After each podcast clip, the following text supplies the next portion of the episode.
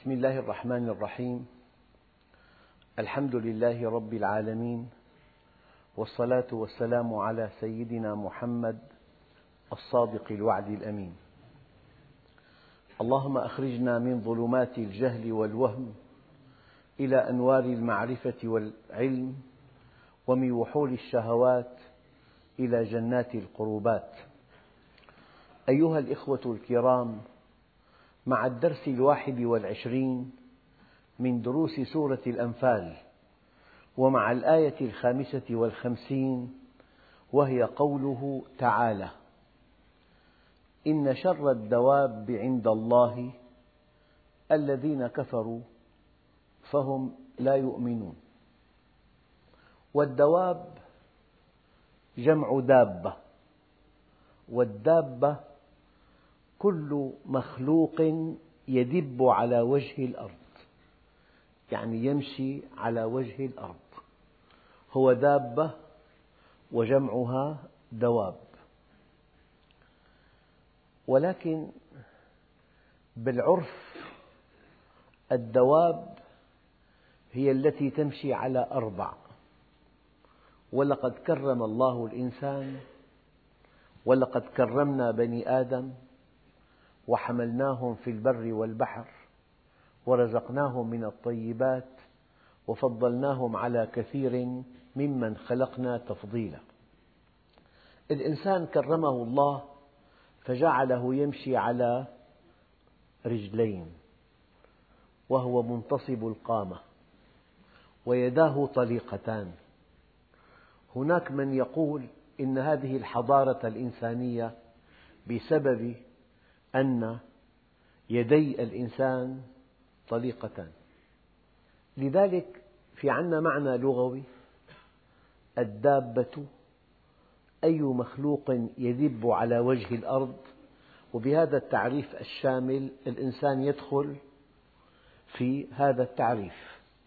لكن العرف أن الدواب تمشي على أربع بينما كرم الله الإنسان فجعله يمشي على رجلين وجعل يديه طليقتين الآية تقول إن شر الدواب عند الله الذين كفروا. هنا الدواب بشر بشر كفار.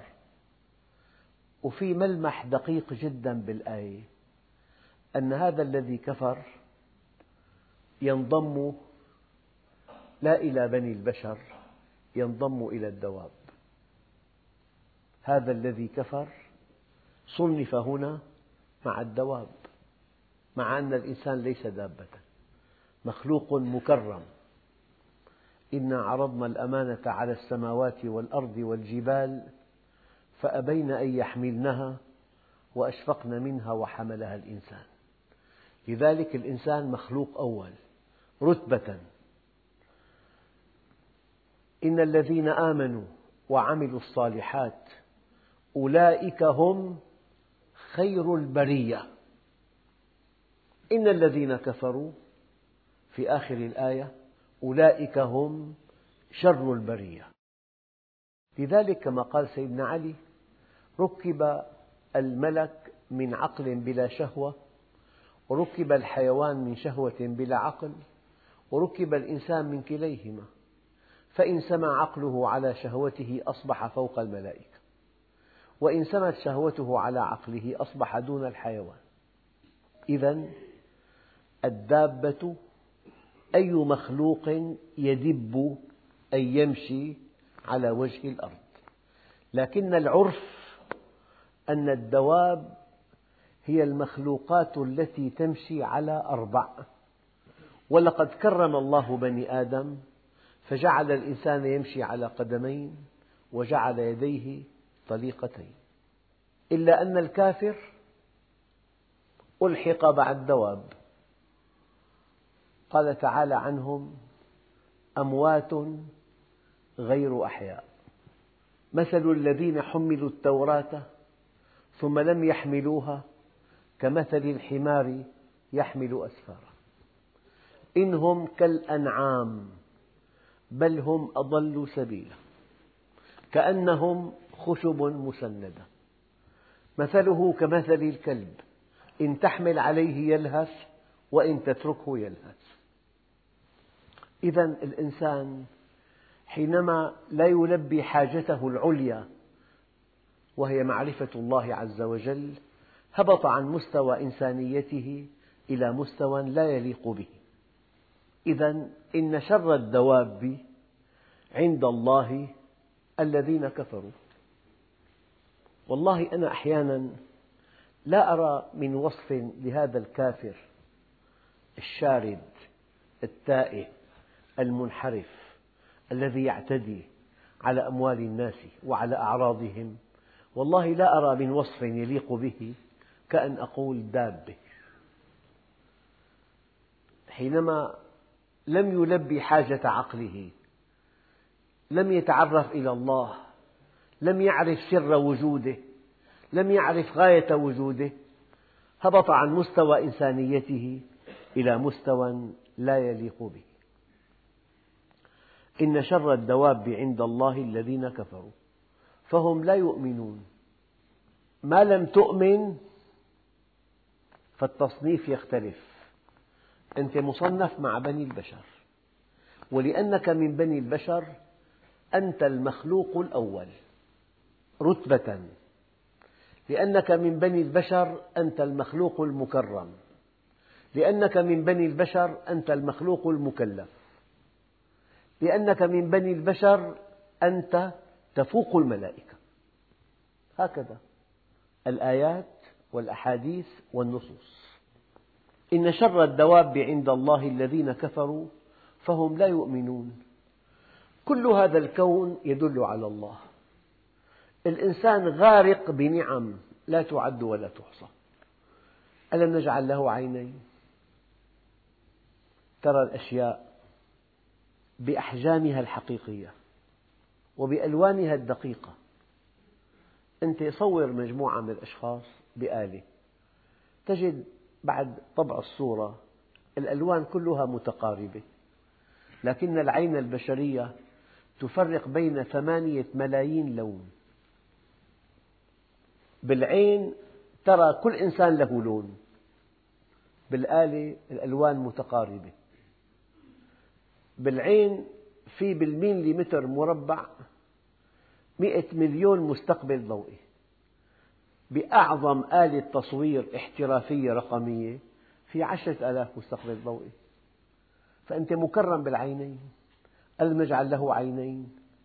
ولسانا الرحمن علم القرآن خلق الإنسان علمه البيان.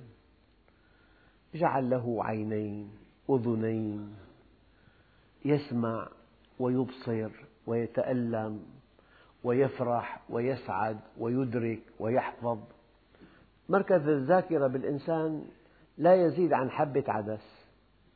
في سبعين مليار صورة. إذا إنسان عاش ستين سنة تقريبا في بذاكرته ما يساوي سبعين مليار صورة. لذلك أيها الإخوة إن شر الدواب عند الله الذين كفروا فهم لا يؤمنون. لكن في شيء دقيق. أن الله عز وجل له أمر تكليفي وله أمر تكويني. الأمر التكليفي افعل ولا تفعل. والأمر التكليفي يشبه طريق سالك ممتد. لكن عند أول تقاطع وضعت لوحة ممنوع المرور. هذا أمر تكليفي. لكن الإنسان بإمكانه أن يمشي ويخالف هذه اللوحة. الأمر التكليفي قد لا يطبق. كلفك أن تكون صادقا. الإنسان مخير قد يكذب. كلفك أن تكون أمينا. الإنسان مخير قد يخون. كلفك أن تصلي. الإنسان مخير قد لا يصلي. كلفك أن تكون منصفا. الإنسان مخير قد يكون ظالما. فالأوامر الإلهية التي كلف الله بها الإنسان هي أوامر تكليفية يمكن للإنسان أن يعصيها. أما الأمر التكويني شيء آخر. هذا الطريق السالك المفتوح الذي بإمكان السائق أن يعبره وفي لوحة ممنوع المرور. بالأمر التكويني في أربع قطع إسمنت مسلح على عرض الطريق. ارتفاعها مترين. هذا أمر تكويني. الأمر التكليفي أمر الله أما التكويني فعل الله. الأمر التكويني لا يعصى. الله خلقك أبيض بالبشرة أو أسمر. لون بشرتك أمر تكويني. كونك من فلان أو فلانة أمر تكويني. كونك ولدان بدمشق أمر تكويني. ولدان بالسبعينات أمر تكويني. الله له أمر تكليفي وله أمر تكويني. واضح؟ فالإنسان مكلف بأمر تكليفي أن يكون مؤمنا أن يكون صادقا أن يكون أمينا. أن يكون منصفا أن يطلب العلم أن يتعرف إلى الله أن يتعرف إلى منهجه أن يطيعه بأمر تكليفي والإنسان قد يعصي وقد لا يصلي وقد يأكل المال الحرام إلا أن بقية المخلوقات مسيرة. الإنس والجن مخيران. سنفرغ لكم أيها الثقلان. الإنس والجن أعطيا الأمانة والتكليف وكلفا بعبادة الله عز وجل. ما سوى الإنس والجن مخلوقات مسيرة بالغرائز. يعني لو اطلعت على نظام النحل شيء لا يصدق. نظام ما بعده نظام. دقة ما بعدها دقة. قيام بالواجب ما بعده قيام بالواجب. اختصاص دقيق. هذا النظام المذهل في النحل ليس بأمر تكليفي بل بأمر تكويني. يعني في أنظمة في عالم النحل وعالم النمل يكاد الشيء لا يصدق. كل نحلة تقوم بمهمتها. نحل لجني الرحيق. نحل لصنع العسل. نحل لصنع بيت الشمع نحل للحراسة. نحل للتعليم. نحل وصيفة للملكة. نحل للتنظيف. نحل للتلميع. نحل للتهوية. عالم النحل عالم قائم بذاته. يعني أروع نظام اجتماعي في الكون نظام النحل. طيب ليش ما في معصية؟ بأمر تكويني بغريزة. هلا مثلا دقق دابة أطعمها تشبع تقف عن الطعام. أي محاولة تجري لإجبارها على الطعام لا تنجح. أما الإنسان يأكل فوق حاجته. يعني الدابة بغريزتها لا تأكل إلا حاجتها. حتى في شيء مشاهد. لو فرضنا في معبر مائي فالدابة بتقدر هل تستطيع أن تعبر هذا المعبر؟ فإن كان هذا المعبر أوسع من طاقتها ما بتعبر. مهما ضربتها مهما دفعتها أبدا. الإنسان أيام بخاطر وبيغرق أحيانا. الدواب تتحرك بغرائز. والغرائز لا تخطئ أبدا. الكون كله مسير. عدا الإنس والجن. لأنك من بني البشر أنت مخير. مخير ومكلف بمعرفة الله ومعرفة منهجه. لا تأكل الدابة فوق حاجتها. ولا تتخطى معبرا مائيا لا تستطيع أن تقفز منه أبدا أما الإنسان قد ينضبط وقد لا ينضبط. يعني من طرائف المعلومات أن الإنسان الذي وصل إلى القمر والذي أرسل المركبات إلى المشتري والذي حصل علوم الثقلين والذي نقل الصورة عبر الأمواج الكهروطيسية. والذي نقل الإنسان بالطائرة. 480 راكب يركبون بالطائرة كأنهم في مدينة تطير في الأجواء.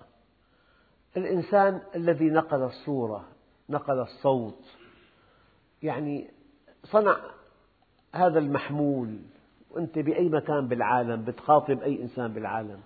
ثانية هذا الإنسان لا يستطيع أن يتنبأ بالزلزال ولا قبل ثانية. ولا قبل ثانية. بينما الدواب تتنبأ به قبل عشرين دقيقة. لحكمة أرادها الله. فالإنسان مخير ومكلف بأمر تكليفي يطيع أو لا يطيع.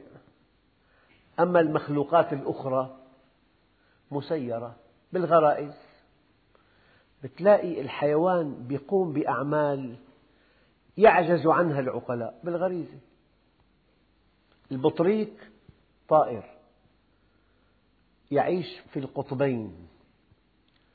حينما تلد أنثاه بيضة يضعها على قدميه ويغطيها بالفرو الذي على جسمه. ويبقى أربعة أشهر لا يأكل ولا يشرب. لا يأكل ولا يشرب. أربعة أشهر. حفاظا على هذه البيضة. لو سقطت من على قدميه إلى الثلج لمات الصغير. بعد أربعة أشهر تفقس البيضة. في معه كمية طعام في حوصلته. معدة لهذا الصغير. يعطي هذا البطريق الصغير وجبة طعام دسمة وتأتي الأنثى فتأخذه عندئذ يذهب إلى البحر. ما هذا النظام. في رحمة بأمر تكويني. في عدل بأمر تكويني. في نظام بأمر تكويني. في توزيع اختصاصات بأمر تكويني. فما سوى الإنسان مسير بالغرائز. مثل بسيط. الطفل الآن ولد. إذا وصلت أصبع المولدة إلى شفتيه بمص رأسا والمص عملية معقدة جدا. عملية معقدة. إحكام الشفتين على هذه الأصبع ثم سحب الهواء. منعكس المص غريزة أودعها الله في الطفل كي يعيش. فالإنسان يتحرك إما بعقله مع معلومات أو بغريزته. هذا الإنسان يا ترى الجوع ما حقيقته؟ أنت بالسيارة في عندك مؤشرات في مؤشر صوتي في مؤشر ضوئي في مؤشر رقمي. الحرارة مؤشر رقمي. إذا واحد ما انتبه للمؤشر يحترق المحرك. وفي مؤشر صوتي في سرعة معينة إذا تجاوزتها في صوت يصدر من السيارة. وفي مؤشر حراري الجوع ما نوعه. صوتي حراري ما بنعرف. بتجوع بتجوع بغريزتك وبتاكل بغريزتك. والعطش تحس بالعطش بغريزتك. طبعا لضمان سلامتك جعل الله الإحساس بالجوع والإحساس بالعطش غريزي. تأكل. الهضم عملية معقدة جدا جدا جدا. ففي عصارات في حركة المعدة حركة الأمعاء في البنكرياس في الصفراء في عصارات. آلية معقدة جدا. لو ترك الله الهضم للإنسان تتناول وجبة طعام تحتاج لأربع خمس ساعات هضم. والله مشغول عم بهضم. طبعا. لو ترك لك دقات القلب بتنام بتموت. القلب يعمل آليا. والهضم بيتم آليا. وأحيانا أعمالك اليومية بتنقلب للحركة الآلية. تخرج من مكتبك إلى بيتك بتقود السيارة وأنت غرقان بحديث مع صديقك. ما بتفكر بالقيادة إطلاقا. الأعمال اليومية المتكررة سبحانك يا رب تنتقل إلى الجهاز الآلي. مثلا إنسان غير بيته خلال شهرين أربع خمس مرات بسوق مركبته على البيت القديم دون أي شعور مركبة على النظام الآلي لأنه. الإنسان كائن بالغ التعقيد تعقيد إعجاز لا تعقيد عجز. فالله عز وجل جعل غرائز بس ريحك فيها. أنت حط هاللقمتين بفمك والأمر اتركه لله. حركة الأمعاء إفراز العصارات إفراز الأنسولين من البنكرياس إفراز الصفراء الطعام انتقل من المعدة إلى الأمعاء الدقيقة ثم الغليظة تمت التصفية. وأنت غرقان. راح قسم من السكريات لمركز الشبع شبعت. لو درست الإنسان مخلوق عجيب. في غرائز لا تعد ولا تحصى. الغرائز من أجل أن تتفرغ لعبادة الله. ريحك. والله بعرف إنسان طبيب توفي رحمه الله. هذا الطبيب مركز تنبيه الرئتين الآلي تعطل. فإذا نام بيموت. هذا واحد يتنفس بالليل. إراديا. أنت فيك تتنفس إراديا. في شهيق وفي زفير إراديين. لكن الله عز وجل جعل التنفس آلي. يتم بتنبيه آلي بالدماغ. تنبيه آلي. هذا المركز تعطل. يعني بعد مئة عام صنعوا دواء يعد يعني شيء لا يصدق. هذا الدواء تحتاج أن تأخذه كل ساعة بالليل. فهذا الأخ الطبيب رحمه الله يربط أربع منبهات. نام الساعة 11 بيربطهم الساعة 12 بياخذ حبة. بياخذها بيربطهم على الساعة واحدة. بياخذها وهكذا. أنت بتنام الساعة عشرة للساعة أربعة نوم عميق والرئتين تعملان والقلب يعمل والهضم يعمل. يعني بالإنسان في أجهزة رائعة جدا تعمل لحالها. لكن أعطاك حرية الاختيار. قال لك فكر بالكون هذا عمل إرادي. قال لك عبدني عمل إرادي. عمل عمل صالح عمل إرادي. فالله عز وجل يوفر لك وقتك. الأعمال المعقدة جدا التي أنت في أمس الحاجة إليها أمنها لك بغرائز وكلفك بعبادته. إذا إن شر الدواب عند الله الذين كفروا فهم لا يؤمنون. لكن نقطة دقيقة الحيوان غير مكلف غير مكلف. والحيوان يتحرك بالغرائز. لا بالاختيار. الإنسان في عنده غرائز تعفيه من جهد كبير والله عز وجل فرغه لعبادة الله وطاعته والدعوة إليه. إن شر الدواب عند الله الذين كفروا فهم لا يؤمنون لكن الله سبحانه وتعالى أشار إلى اليهود حينما قال الذين عاهدت منهم ثم ينقضون عهدهم في كل مرة وهم لا يتقون. فاليهود عاهدوا النبي عليه الصلاة والسلام أن يكفوا شرهم عنه ثم نقضوا العهد في بدر ثم عاهدهم ثانية ثم نقضوا العهد في الخندق. الذين عاهدت منهم ثم ينقضون عهدهم في كل مرة وهم لا يتقون. فالإنسان حينما ينقض العهد يقال خان العهد. والخائن كما قال الله عنه إن الله لا يهدي كيد الخائنين. خانوه مرتين.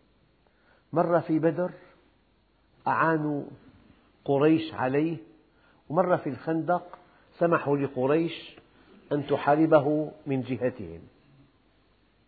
الآية تقول فإما تثقفنهم في الحرب فشرد بهم من خلفهم لعلهم يذكرون.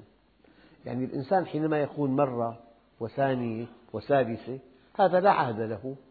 ينبغي أن يؤدب يعني أدبهم أدبهم حتى يبتعد أنصارهم عنهم.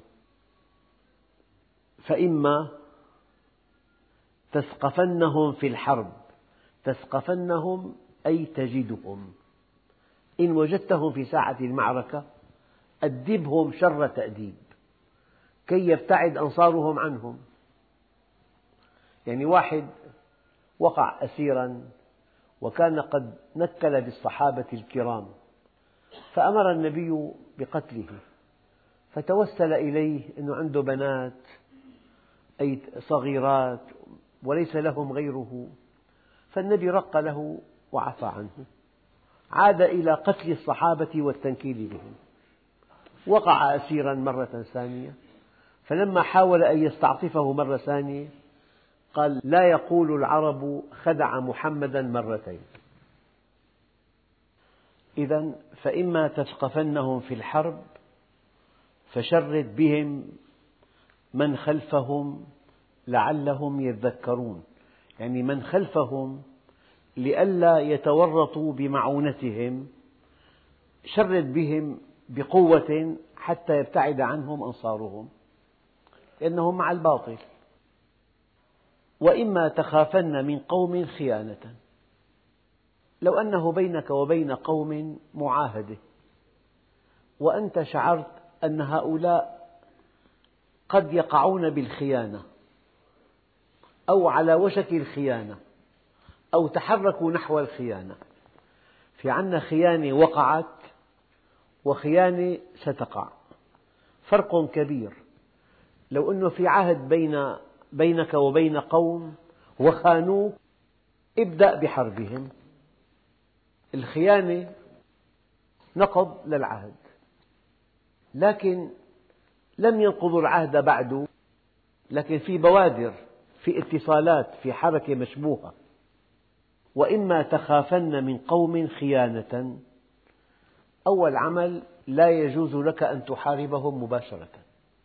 لا بد من أن تبلغهم أن العهد الذي بينك وبينهم قد انتهى. وإما تخافن من قوم خيانة فانبذ إليهم على سواء.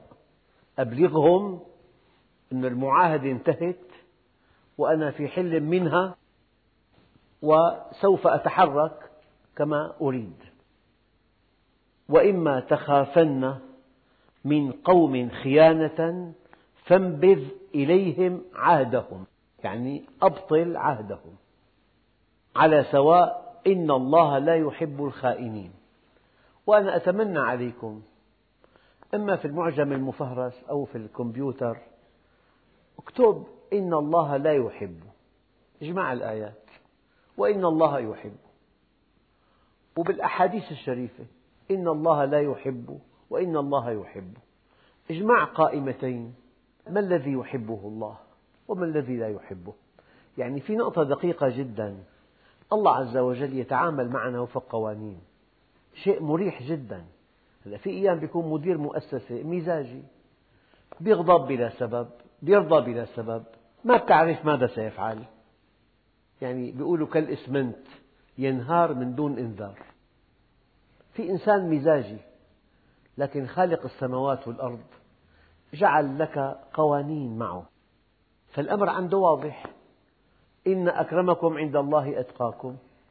فأنت ابحث عن الآيات التي تؤكد أن الله يحب الصادقين يحب التوابين يحب المتطهرين يحب المتقين. إن الله لا يحب كل متكبر لا يحب الخائنين. ابحث عن الذي يحبه الله والذي لا يحبه. وإما تخافن من قوم خيانة فانبذ إليهم عهدهم يعني أنهي العهد الذي بينك وبينهم على سواء إن الله لا يحب الخائنين ولا يحسبن الذين كفروا سبقوا إنهم لا يعجزون.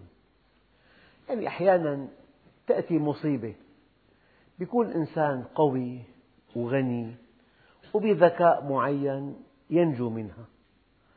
يظن نفسه متفوق ونجا من هذا المصاب الذي عم معظم الناس. لكن أنت في قبضته. بأي لحظة أنت في قبضته. والآية دقيقة جدا. أن إنسان كفر في قبضة الله. لذلك الإنسان حينما يؤمن يقينا أنه في قبضة الله بأي لحظة الله يدمره يعني مع الله ما في ذكي ولا في قوي. فالإنسان بلحظة يفقد حركته بقطرة دم لا تزيد عن رأس الدبوس. تتجمد في بعض فروع الدماغ بعض أوعية الدماغ. يصير مشلول. ساعة فشل كلوي ساعة تشمع كبد. ساعة احتشاء بالقلب ساعة شلل ساعة مرض معين. الأمراض العضالة لا تعد ولا تحصى. والله عز وجل بأي لحظة يجعل حياة الإنسان جحيما لا يطاق. فهذا الذي يتحرك بلا منهج لا يعبأ يعتدي على الناس يأكل المال الحرام. على ماذا يعتمد؟ أنت في قبضة الله. يا إنسان ينجو من مصيبة عامة. ليس معنى هذا إذا نجا أنه لن يقع في مصيبة أخرى. أنت في قبضة الله. لذلك عبادي لو أن أولكم وآخركم وإنسكم وجنكم وقفوا على صعيد واحد وسألني كل واحد منكم مسألة ما نقص ذلك في ملكي إلا كما ينقص المخيط إذا غمس في مياه البحر. ذلك لأن عطائي كلام وأخذي كلام. فمن وجد خيرا فليحمد الله ومن وجد غير ذلك فلا يلومن إلا نفسه. ومن وجد غير ذلك فلا يلومن إلا نفسه. إني والإنس والجن في نبأ عظيم أخلق ويعبد غيري وأرزق ويشكر سواي خيري إلى العباد نازل وشرهم إلي صاعد أتحبب إليهم بنعمي وأنا الغني عنهم ويتبغضون إلي بالمعاصي وهم أفقر شيء إلي من أقبل علي منهم تلقيته من بعيد ومن أعرض عني منهم ناديته من قريب أهل ذكري أهل مودتي أهل شكري أهل زيادتي أهل معصيتي لا أقنطهم من رحمتي. إن تابوا فأنا حبيبهم وإن لم يتوبوا فأنا طبيبهم. أبتليهم بالمصائب لأطهرهم من الذنوب والمعايب. الحسنة عندي بعشرة أمثالها وأزيد والسيئة بمثلها وأعفو وأنا أرأف بعبدي من الأم بولدها. الله عز وجل قال إن كيدي متين. الكيد هو التدبير.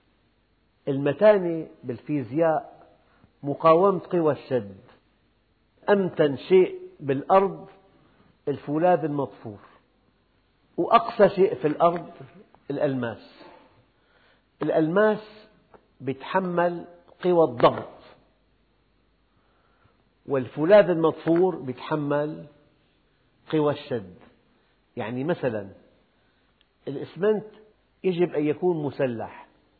لأن السنتيمتر مكعب من الإسمنت يتحمل 550 كيلو ضغط. ما بيتحمل 5 كيلو شد. السنتيمتر مكعب من الإسمنت. بيتحمل 550 كيلو ضغط. أما الشد لو وضعته بآلة فيها شد على خمسة كيلو بينكسر. إذا يحتاج إلى تسليح بالحديد. الإسمنت مسلح فالله عز وجل قال إن كيدي متين. يعني أنت مربوط بحبل. مهما كنت قويا لا ينقطع. إن كيدي متين. أنت في قبضة الله. بلحظة يفقد إنسان بصره يفقد سمعه يفقد توازنه يفقد حياته بالنمو العشوائي الورم الخبيث يعني. يفقد حياته بتجمد خسرة بالدماغ. بتجمد خسرة بالدماغ. يفقد حياته باحتشاء القلب. يفقد حياته بالورم الخبيث. يفقد حياته بالفشل الكلوي. يفقد حياته بتشمع الكبد الإنسان في قبضة الله. فالمؤمن يرى أنه في قبضة الله دائما متأدب معه ويشكر الله على أن أعطاه. ولا يحسبن الذين كفروا سبقوا. معنى سبقوا إما أنهم فعلوا شيئا ما أراده الله مستحيل.